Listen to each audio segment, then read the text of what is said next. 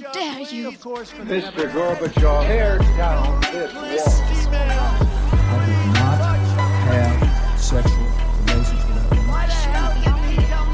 Read my lips. Hell yes, we're gonna take your AR-15. Well, I have a dream. Thank you. Kan man få til en mer demokratisk eh, byutvikling? Det er eh, tema i, i dagens episode av, eh, av SOS. Vi skal se litt på en, eh, en kommentar som eh, førsteamanuensis Erling Dock Holm har skrevet i, i Aftenposten. Eh, og når, det, når jeg ser noe som det lukter demokrati av, da, da, da ringer jeg da, da slår jeg direktenummeret, den røde linja, til, eh, til, til Halden. Eh, og tidligere, eller pensjonert eh, eplebonde eh, Harald Borgerbund. eh, som da er ha, du, du er jo på en måte vår demokratiekspert, er du ikke det? Jo, kall det hva du vil. ja, nei, da, da lyser det jo rødt på hotlinen her, så Det gjør det. Alle alarmer går av. Det er, går bokalarmen eh, og telefonen eh, begynner å bli rødglødende. ja, Så da er det bare å hive seg over telefonen. ja det, og det er, det er det vi har gjort, eh, og, og skal se litt på det her. For det er jo et, det er et veldig aktuelt eksempel som passer veldig godt inn i det vi diskuterer. Veldig sånn, hva skal, hva skal vi si, Det er på en måte statsvitenskap på en egentlig ganske konkret måte. eh, Og demokrati på en ganske konkret måte. Bakgrunnen for dette er jo at eh, byrådet i Oslo, som sikkert mange har fått med seg, vurderer å gjøre det ulovlig med fossildrevne biler innafor Ring 2 da, i løpet av 2026, altså innen fem år. Dette skal nå utredes. Ikke overraskende, kanskje, så har ikke dette slått veldig godt an hos eh, Frp. Og det har jo på en måte eh, satt i gang en større debatt om byutvikling eh, og demokrati og politikk. Eh, og Ketil Solvik-Olsen, da, lederen av Oslo Frp, han mener at det er eh, sosialt urettferdig og et alvorlig inngrep i den personlige friheten da, at man skal etablere en sånn fossildreven fri sone. da. I den prosessen da, så kommer Ke- Ketil Solvik-Olsen med et forslag, og det er rett og slett det at byutviklingen bør styres mer gjennom direkte demokrati. Det vil si, kanskje kort sagt, at folk stemmer direkte over forslag som eh, går på byutvikling, da. Veier, jernbane, kollektivtrafikk osv. Eh, vi kan jo starte på et lavere nivå, Harald. Du, eh, ville du stemt? Vil du ha mer makt over eh, byplanleggingen i Halden? Ja, all, all makt eh, samlet i denne sal, er det ikke det det heter? Jo, det heter jo det. Heter jo det. Nei, altså eh, det, det er jo ikke så ofte man får den type egentlig litt prinsipielle spørsmål eh, om, om eh, hva demokrati skal være i, i den norske politiske debatten. Eh, det, det, som, det som jeg syns er litt interessant, er jo at Og det her er jo i og for seg et eh, noe man ser i mye politisk historie.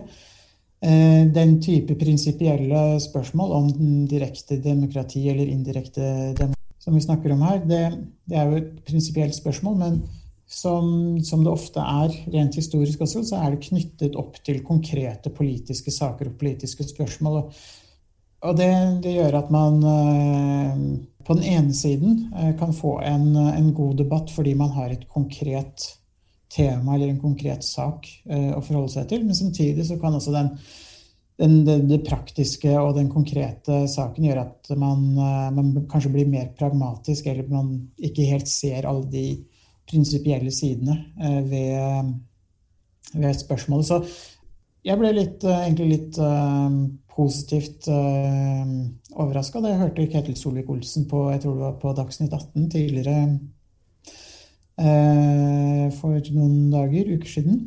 Mm. snakke om, om om denne saken med forbud mot uh, dieselbiler i, i Oslo. Mm. Uh, hvor han var, presenterte den løsningen med direkte demokrati. Og det er et Jeg tenker det er spennende å ta den, ta den diskusjonen. Mm.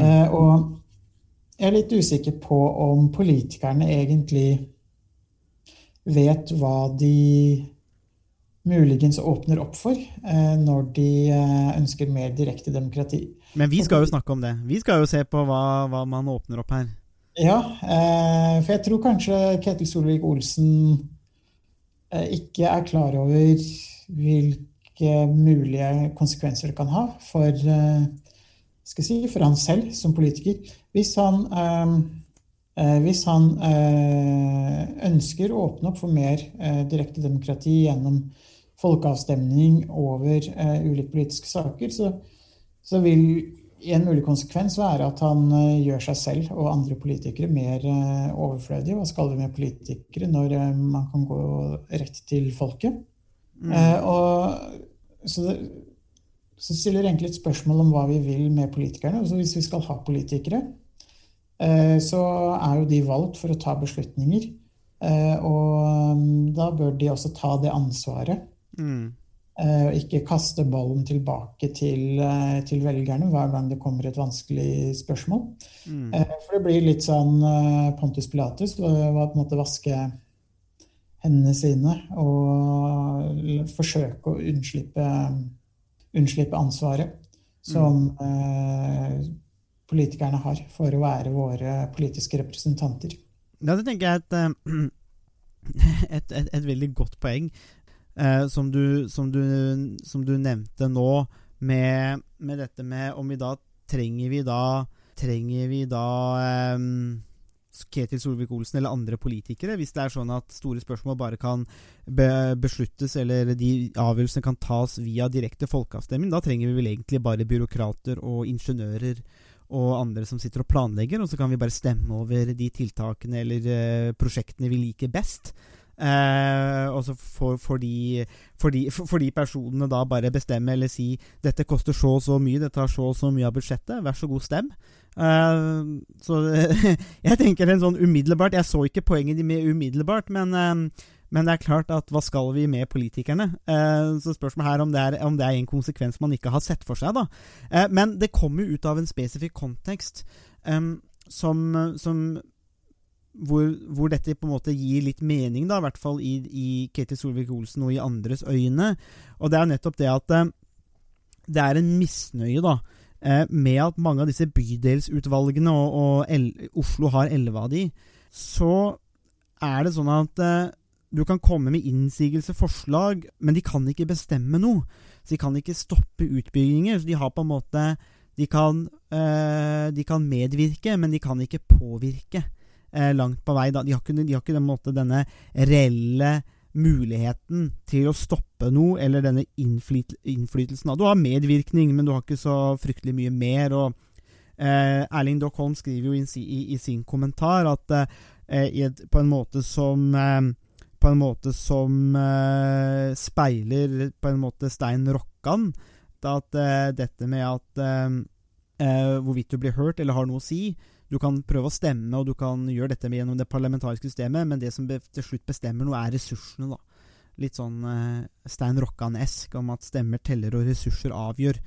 og Problemet er rett og slett det, at som Dock Holm er inne på, og som sikkert er det som er Solvik-Olsens poeng òg, det er nettopp det at for mange av oss så tenker vi at medvirkning betyr innflytelse.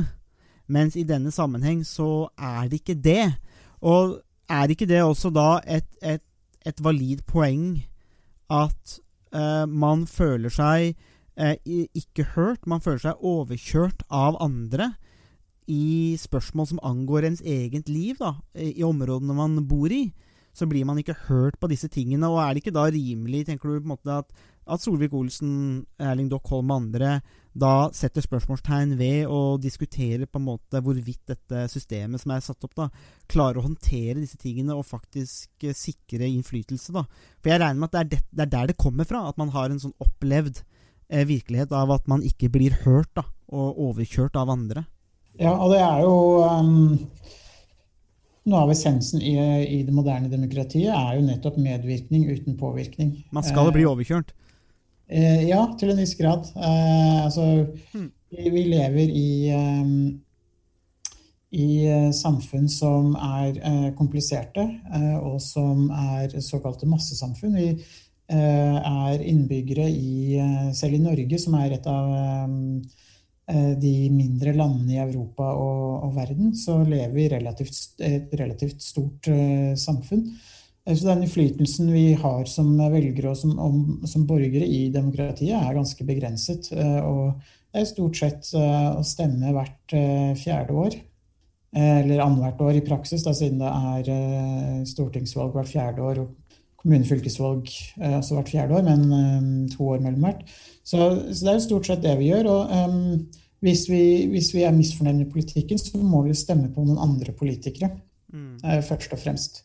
Uh, fordi det er uh, politikerne på Stortinget og i kommunene vi bor i, som tar de største og viktigste beslutningene. Så på en måte så er det litt rart å ønske mer direkte demokrati eh, hvis eh, demokratiet på nasjonalt eller kommunalt nivå i utgangspunktet ikke fungerer. Altså man må på en måte eh, fikse problemene der de er. Eh, og hvis problemet er eh, at man ikke har innflytelse på kommunenivå, eh, fylkesnivå stort, og nasjonalt nivå, så må man fikse problemene der før man på en måte kan se på andre måter og, og bedre si, kvaliteten på, på demokrati. Men, altså, og det er jo litt, Der er også en, en oppfatning som veldig mange har, eh, hvor man snakker om eh, demokratiet som noe ganske eh, ideelt, eh, som gir oss alle påvirkningsmuligheter osv. Men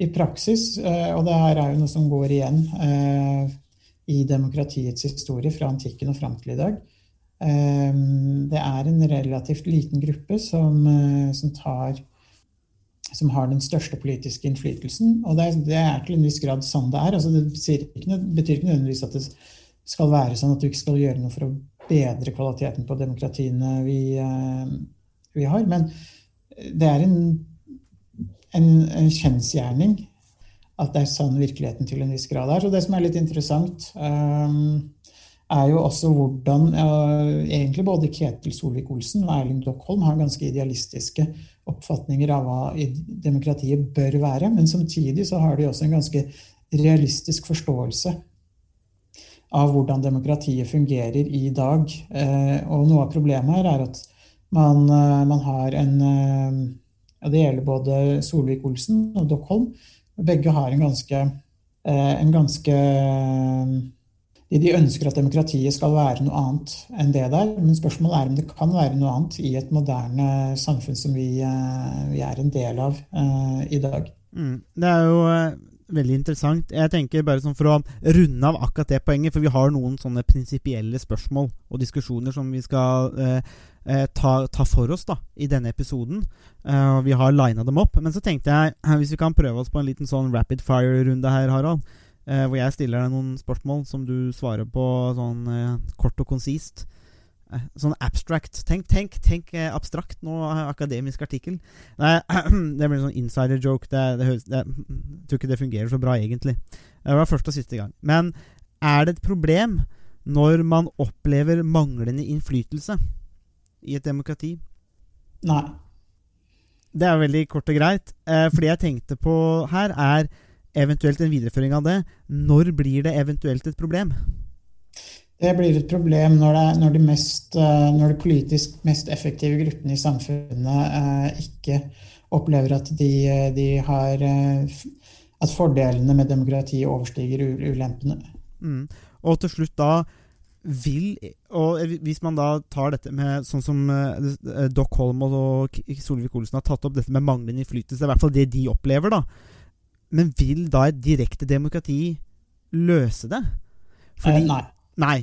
Det er, det, det er, jo kort og greit. Det, det funka bra, den eh, runden der. Var, jeg var mer sånn Det er veldig, veldig greit når du får, eh, får, klare og gode svar. Da kan vi liksom legge den død.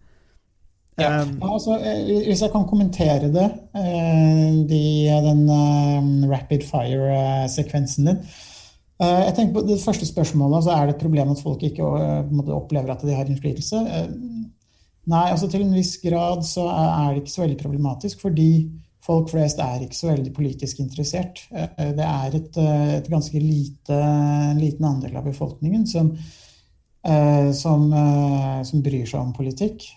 Og det mange, kan det være mange grunner til at folk ikke er eh, politisk engasjert. Det kan jo også være fordi at de har en oppfatning om at de ikke blir hørt eller ikke har noe innflytelse. Men uh, uansett uh, så, så, vet man jo det at det er ganske lite Folk involverer seg ganske lite i politikk. Mm. Fra å stemme. Og så tenker jeg, eh, Det som er litt knytta til det siste spørsmålet mitt òg, om direkte demokrati vil løse det, der tenker jo jeg det samme som deg, nei. Eh, og noe av det jeg tenker er jo det at man kan jo likevel være i grupper i samfunnet som taper eller ikke har noe innflytelse i et direkte demokrati. Så kan man, man kan jo sitte like langt at man har liten innflytelse ved å stemme på politikere på vegne for seg, men man kan jo ende opp med null innflytelse selv om man stemmer. Og, jeg tror, og det jeg tenker sånn umiddelbart, er det at for mange så gjør ikke det noen forskjell. Altså man øh, føler man ikke har innflytelse i det ene systemet eller det andre. Det, det er jo mangel på innflytelse åkke som, da. Uh, jeg, vet, og jeg vet, noe, jeg vet, ikke om det gjør noe bedre at du tapte det du stemte direkte. Nei, jeg tenker det er et veldig godt poeng, og egentlig essensen i det er jo den siste setningen din. Eh, altså, er, altså, er, det en forskjell om du taper gjennom å stemme indirekte hvert fjerde år, eller å, eh, om du taper direkte eh, hver uke når du skal stemme over eh, utbygginger eh, eh, på Alnabru eller hva det måtte være, som er måte, i saker i lokalmiljøet. Mm. Så altså, jeg tenker det er et veldig godt, godt poeng.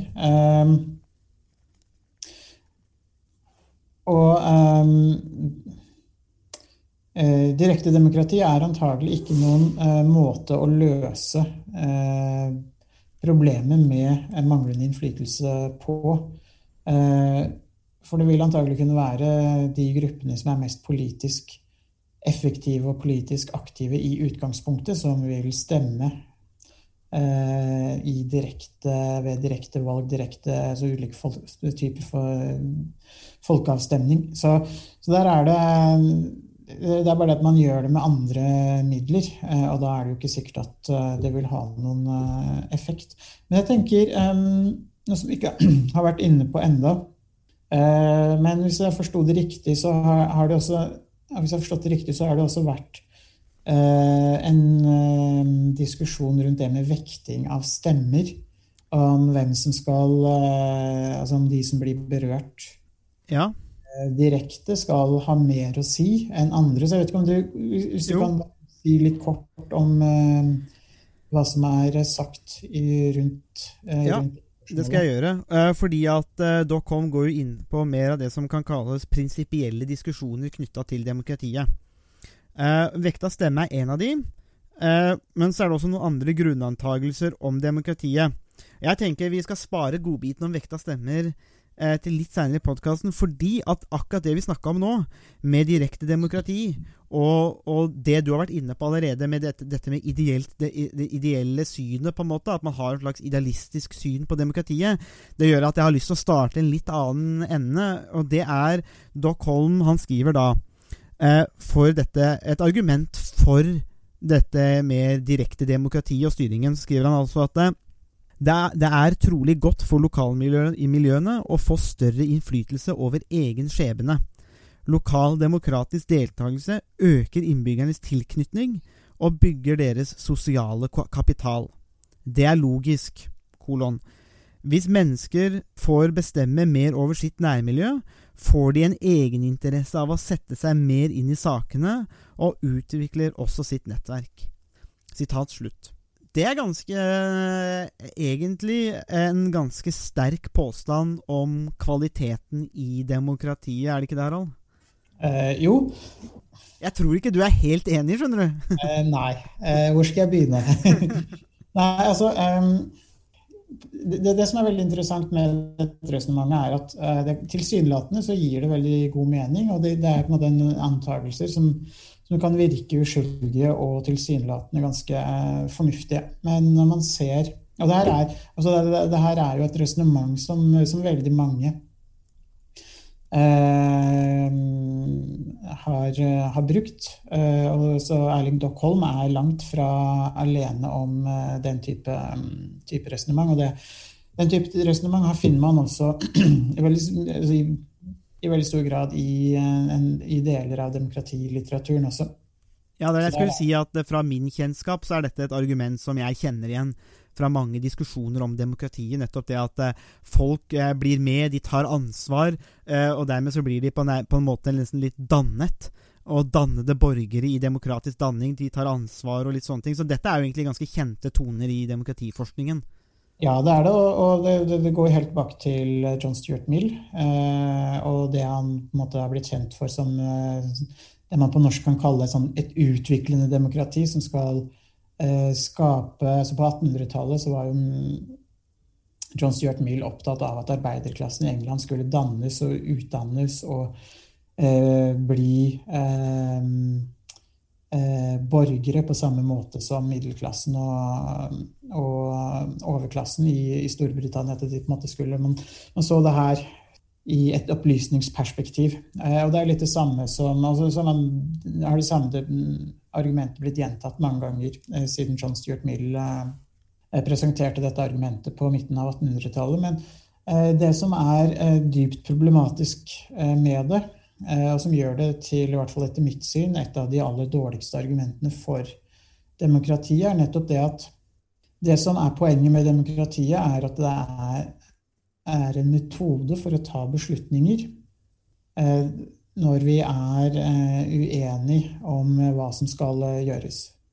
Eh, Og det vi verdsetter med demokratiet, er at eh, det er en måte å avgjøre uenighet på.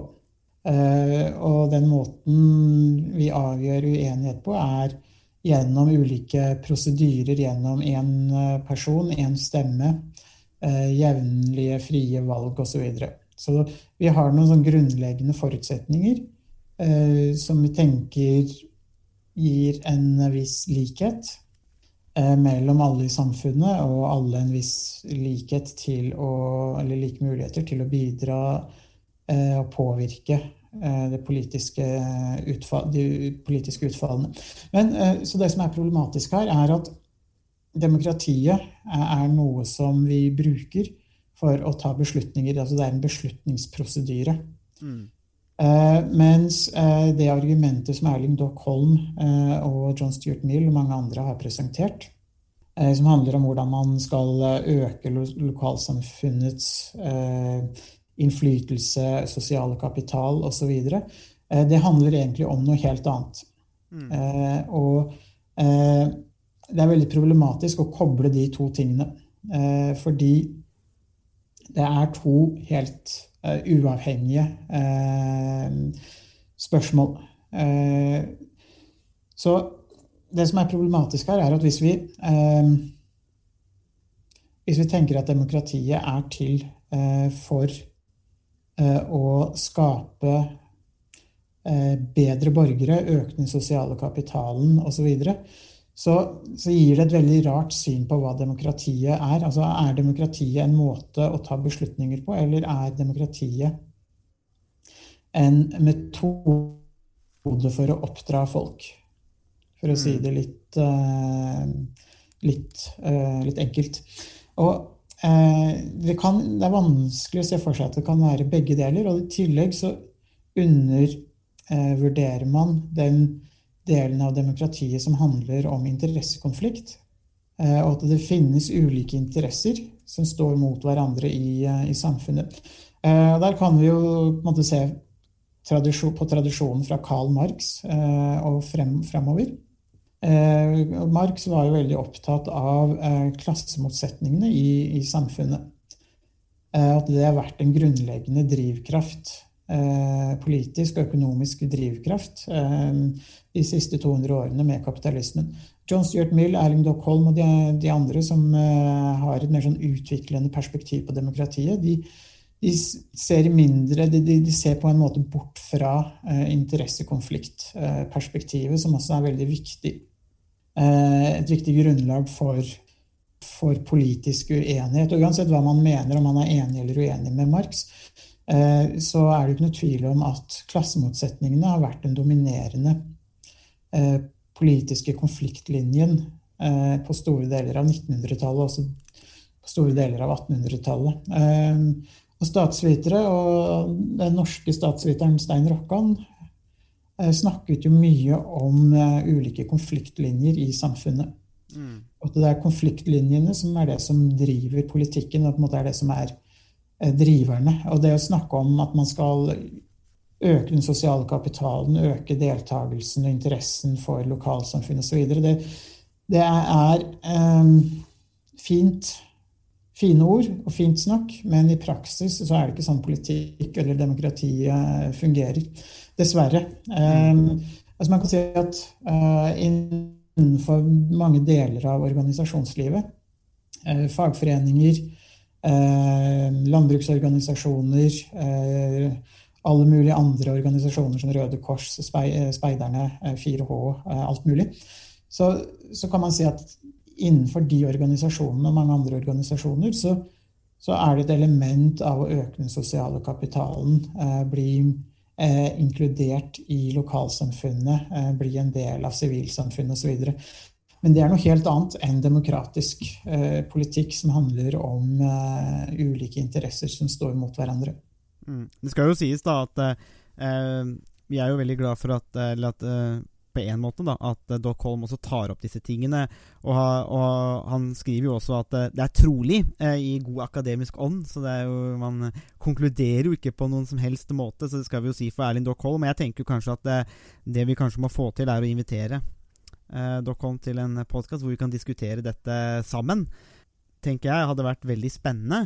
Men noe av det du nevner nå um, fordi at det, det, som slår meg, er jo at eh, i hvert fall mellom uh, den klassiske, teori, eh, klassiske tenkning kanskje om, i hvert fall i Norge kanskje, om demokrati, og sånn som er litt eks eksemplifisert her, da, i noen av de argumentene som i hvert fall uh, Doc Holm setter fram. Uh, vi skal jo også si, kan jo også si at det er ikke sikkert han nødvendigvis måtte mene det, men han anfører disse argumentene, da.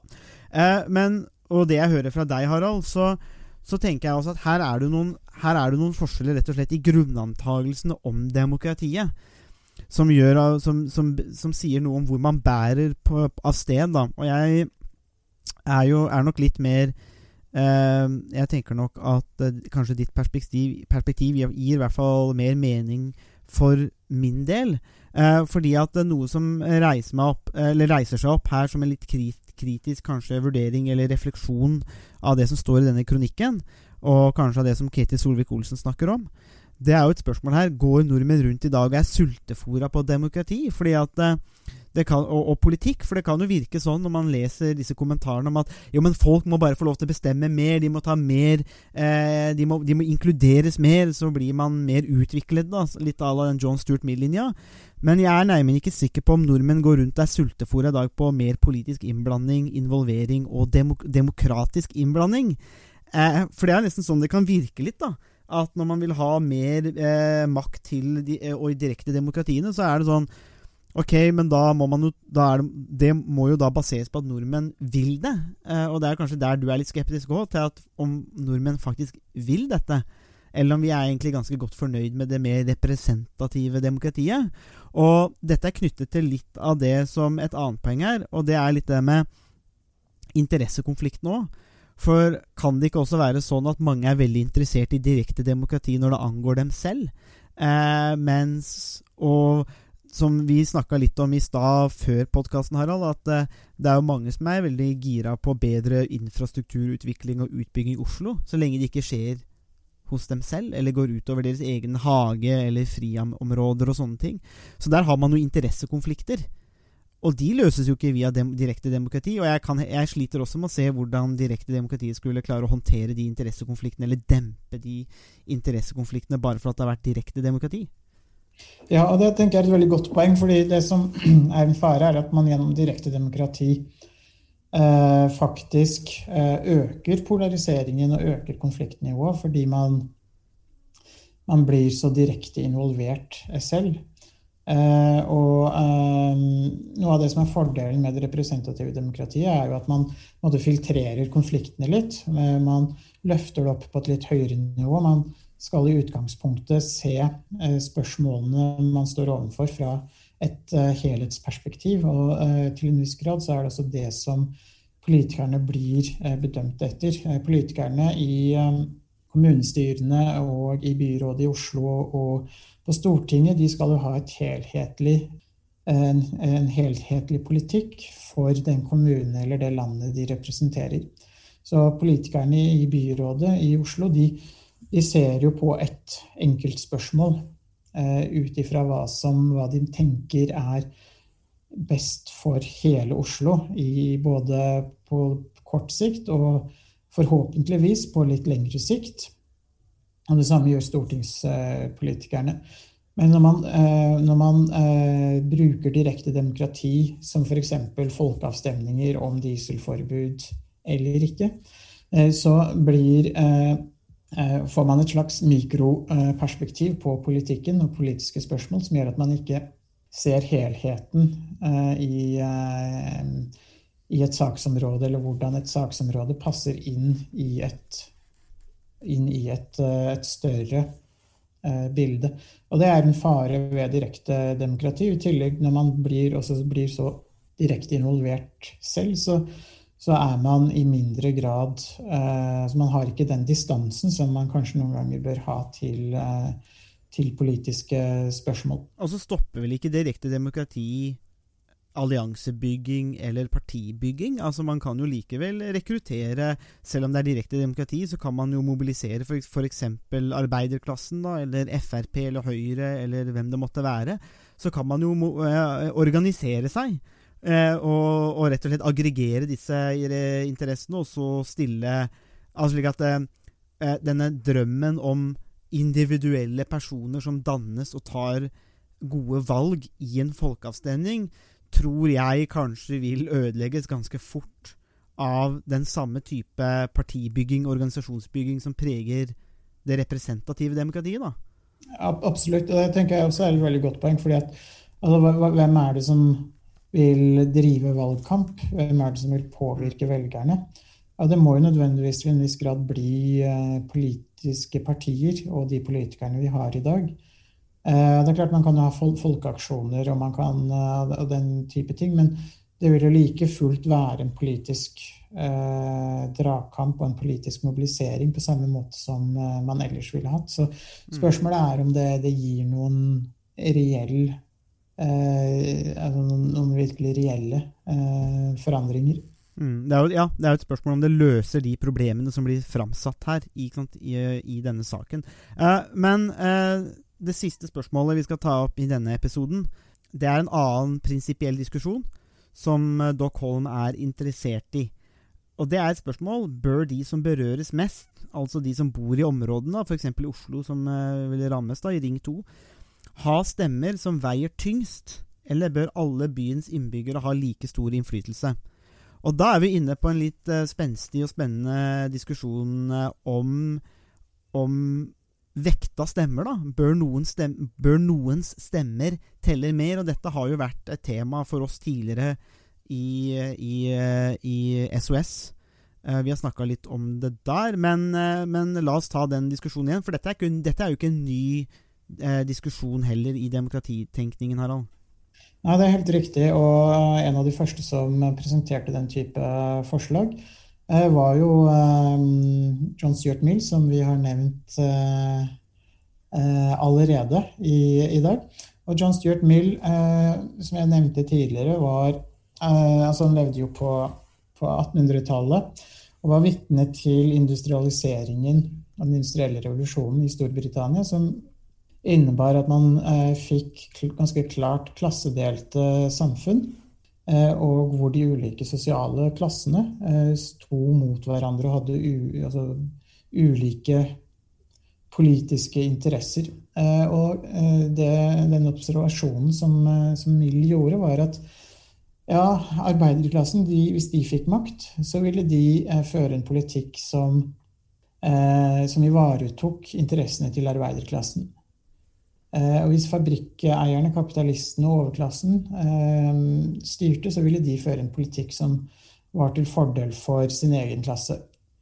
Eh, og problemet som Mill så med, med, den situasjonen, var at ingen av de to klassene var, ville på en måte styre til fordel for det som var best for hele samfunnet. Mm. Eh, så derfor måtte man gjøre noen eh, grep, eller ta, noe, man måtte gjøre noen endringer eh, for å måte skape et politisk klima eller en politisk situasjon eh, hvor man vil ivareta eh, samfunnets interesser. Det som var til det felles beste. Eh, Så det Mill foreslo, var at de som hadde universitetsutdannelse, skulle få eh, ekstra stemmer. Eh, Det passer jo veldig godt for, eh, for Fortell! Fortell! Bare, bare fortsett nå. Eh, Det passer jo veldig bra for oss. Ja. Eh, Jeg er ganske sikker på at statsvitere ville komme aller best ut av en sånn stemmefordeling. Det tror jeg jo. Eh, Men eh, det resonnementet til Mill var at det, det viktigste her eh, var altså for- at demokratiet skulle fungere, så måtte man ha, ta beslutninger som ga de beste resultatene. Og hvis man hadde Hvis enten arbeiderklassen eller overklassen hadde flertall, så, så ville de bare styre til fordel for seg selv. Så derfor tenkte Mill at det som vil være en bedre løsning her, det er å gi eh, doble stemmer, eh, plural votes, som det heter på, på engelsk, eh, til de som hadde universitetsutdannelse, som var, utgjorde det man kan kanskje kalle en slags middelklasse.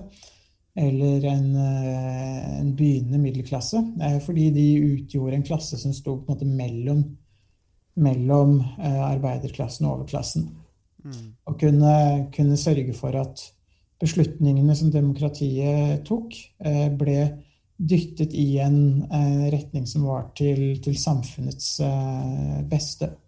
Eh, Så det er opprinnelsen til ideen om, om vekting av stemmer. Og så etter hvert så er jo det her på mange måter en, en helt død, dødt spørsmål, en død sak, fordi det veldig mange opplever, er at hvis eh, andre grupper skal få eh, doble stemmer, eh, så innebærer det at de teller mer, og at det undergraver den politiske likheten som moderne demokratier i, i veldig stor grad er, er bygd på. Så dette har jo vært et dødt spørsmål eh, veldig lenge. Likevel så har det kommet med jevne, eller ja, ujevne mellomrom, kanskje, noen eh, tilsvarende forslag. Og det har også vært noen som, eh, eh, som har forsøkt å gjenopplive eh, Mill sitt, eh, sitt forslag også. Mm. så- og det har blitt presentert ganske mange ulike versjoner av eh, den type vekting. Men kan også legge til at eh, i Norge i dag så er det jo faktisk en, eh, en slags vekting på den måten. Ved at eh, stemmer i Finnmark, eller tidligere Finnmark fylke, de, de teller noe mer enn stemmer i resten eh, av landet. Og noe av tankegangen bak det er, har jo vært med utgangspunkt i at Finnmark er et stort fylke, men et, et fylke med relativt lite, en liten befolkning. Eh, som gjør at man har tenkt at eh, man bør endre vektingen noe. Så, så her, her er det et veldig prinsipielt viktig spørsmål. Skal man tenke på demokratiet som én stemme, én person, én stemme? Eller skal man vekte stemmer ulikt? Og hva skal være kriteriene for hvordan man vekter? Eh, Og når Solvik-Olsen og Dockholm eh, reiser det spørsmålet, Eh, så er det litt eh, på samme måte som eh, vi var inne på innledningsvis, at de kanskje ikke er helt klar over hvilke konsekvenser det her kan, eh, kan føre til. Fordi hvis vi sier at eh, de som bor innenfor Ring 2 eh, skal ha doble stemmer, eller at stemmene deres skal eh, vektes mer enn andre sine stemmer, så kan man jo si at okay, hvis man aksepterer det i det spørsmålet, hvorfor ikke i en lang rekke andre spørsmål? Hvor er det man skal trekke grensen her, og hvem er det, altså hvem er det som, som Hvem sine stemmer er det som skal telle mer? Hva med de håndverkerne som kanskje bor eh, utenfor Oslo, som bor i Lillestrøm eller på Romerike eller i Follo, og som kjører inn til Ring 2 med håndverkerbilen sin hver eneste morgen. De blir jo berørt i mye sterkere grad enn kanskje en familie på Majorstua som ikke engang har bil. Fordi de bor sentralt og ikke trenger bil for å, altså i, i hverdagen. Så her er det, her er det en, en, lang rekke spørsmål som, eh, som er viktige å avklare eh, på forhånd. Man har for det første spørsmålet om politisk likhet eller ikke. altså Skal man opprettholde ideen og idealet om politisk likhet? Hvis man hvis man tenker at politisk likhet er viktig, så er eh, vekting av stemmer uaktuelt i utgangspunktet. Mm. Eh, hvis man ønsker å åpne opp for vekting av stemmer, så er spørsmålet hvilke, hva er kriteriene? Eh, hvor er det man skal trekke grenser mellom de spørsmålene som skal avgjøres gjennom vekting av stemmer, og de som skal avgjøres på, på vanlig måte med én person eh, og én stemme. Mm. Eh, og så har man også spørsmålet eh, om om, om, eh, om, hvilke eh, kriterier som skal ligge til grunn. Mm. Som, som, gjør det mye som, som, gjør at man, så fort man begynner å, å eh, begynner å analysere dette spørsmålet, så ser man at det, det fører til altså man, man, man, stiller flere spørsmål enn det det besvarer. Så det som kan, kan se ut som en, et godt demokratisk prinsipp, i utgangspunktet eh, er egentlig eh, et, et ganske problematisk spørsmål som blir mer og mer problematisk jo mer man, man studerer det. Og så tenker jeg sånn for å avslutte, avslutte den episoden at for å fylle på med noen mer problematiske spørsmål, Eh, et spørsmål er jo det i hvilken grad har folket rett, og gjør det at du vinner et valg det, Gjør det faktum at du vinner et valg, at du har rett? Eller at de tingene du gjør, er rett, eller korrekt, eller best. ikke sant? Du var litt inne på det i stad. Eh, men det å ha en sånn type avstemning eller sånn type ting gjør jo at eh, man knytter en mye sterkere grad opp til dette med at man faktisk har rett, da, og at folket har rett når de gjør denne eh, beslutningen. Men det er jo langt fra sikkert. Man kan jo være lurt av eh, dårlig informasjon, det kan være propaganda, man kan være uinformert. altså Det kan være en rekke faktorer som spiller inn som sier at ok, men bare fordi at man har stemt over det, gjør jo ikke det at det nødvendigvis er korrekt. Og så kan man si ok, men hvis en bydel får lov til å stemme over den politikken som angår dem, så er det på en måte rett, for de lever jo med konsekvensene. Men samtidig så kan man jo trekke det ut i et større perspektiv. Um, fordi at uh, det er jo en mengde ulike faktorer. Du var litt inne på dette med andre uh, personer, f.eks. håndverkere som kommer inn og blir påvirka. Men hva gjør det om de som stemmer i en bydel i Oslo, halvparten flytter ut på landet? Uh, om noen år. Og så har de da lagt en beslutning for andre borgere, eller innbyggere, som flytter inn seinere, som, som, da blir, er bundet av en beslutning gjort av andre mennesker som lenger ikke er stakeholders i den situasjonen. Uh, og for meg uh, synes ikke det som en sånn fryktelig god løsning, det heller, å havne i en sånn situasjon. Og jeg tror kanskje at de fleste av oss verdsetter forutsigbarhet kanskje på en annen måte, og at når man foretar by byplanlegging, så foretas det etter en del kriterier. Og ja, det er destruktivt og opprivende på mange områder, men samtidig så må man jo også tro at her ligger det gode grunner til hvorfor man gjør sånn som man gjør, at man har lengre perspektiver som går utover kanskje våre leveår, da at man ser for seg en lengre utvikling utover våre egne leveår, og at man planlegger deretter. Uh, og, og, der tenker jeg kanskje at dette ide, ideen om direkte demokrati også er litt problematisk. Fordi at uh, det, uh, og, det, og, måten å tenke på, rett og slett fordi kan, det kan støte opp mot skiftende en skiften, altså for, en demogra demografisk utskiftning. Og er det da rettferdig at noen skal bindes av et flertall som kanskje ikke lenger bor der? eh, men som la føringene for utviklingen. Så som du sier, da, det reiser egentlig bare en mengde nye spørsmål. Eh, men jeg tror vi har eh, klart å grave en del inn i eh, noe av dette mm, disse prinsipielle spørsmålene. Og eh, som en god podkast så har vi jo Vi følger jo på en måte formatet etter en god fotballkamp. Vi, vi, holder, vi holder, det gående i 45 minutter, eh, eh, med litt sånn tilleggstid. men jeg tror det egentlig det var en, en innholdsrik Eh, og eh, ganske interessant eh, omgang med um, politisk, eh, politisk, diskusjon. Det syns i hvert fall eh, jeg. Det var det vi hadde å by på i denne ukas episode av Statsvitenskap og sånt. Musikken er komponert av Robin Horvath, og Thomas Colato står for miksing og redigering. Du finner oss på Facebook, bare søk på Statsvitenskap og sånt. Der kan dere komme i kontakt med oss hvis dere har spørsmål eller kommentarer. Der finner du også aktuelle artikler, videoer med mer. Vi setter pris på om dere liker sida, og deler den med andre som dere tenker vil ha glede av å høre på podkasten. Vi høres. høres. change is coming whether you like it or not.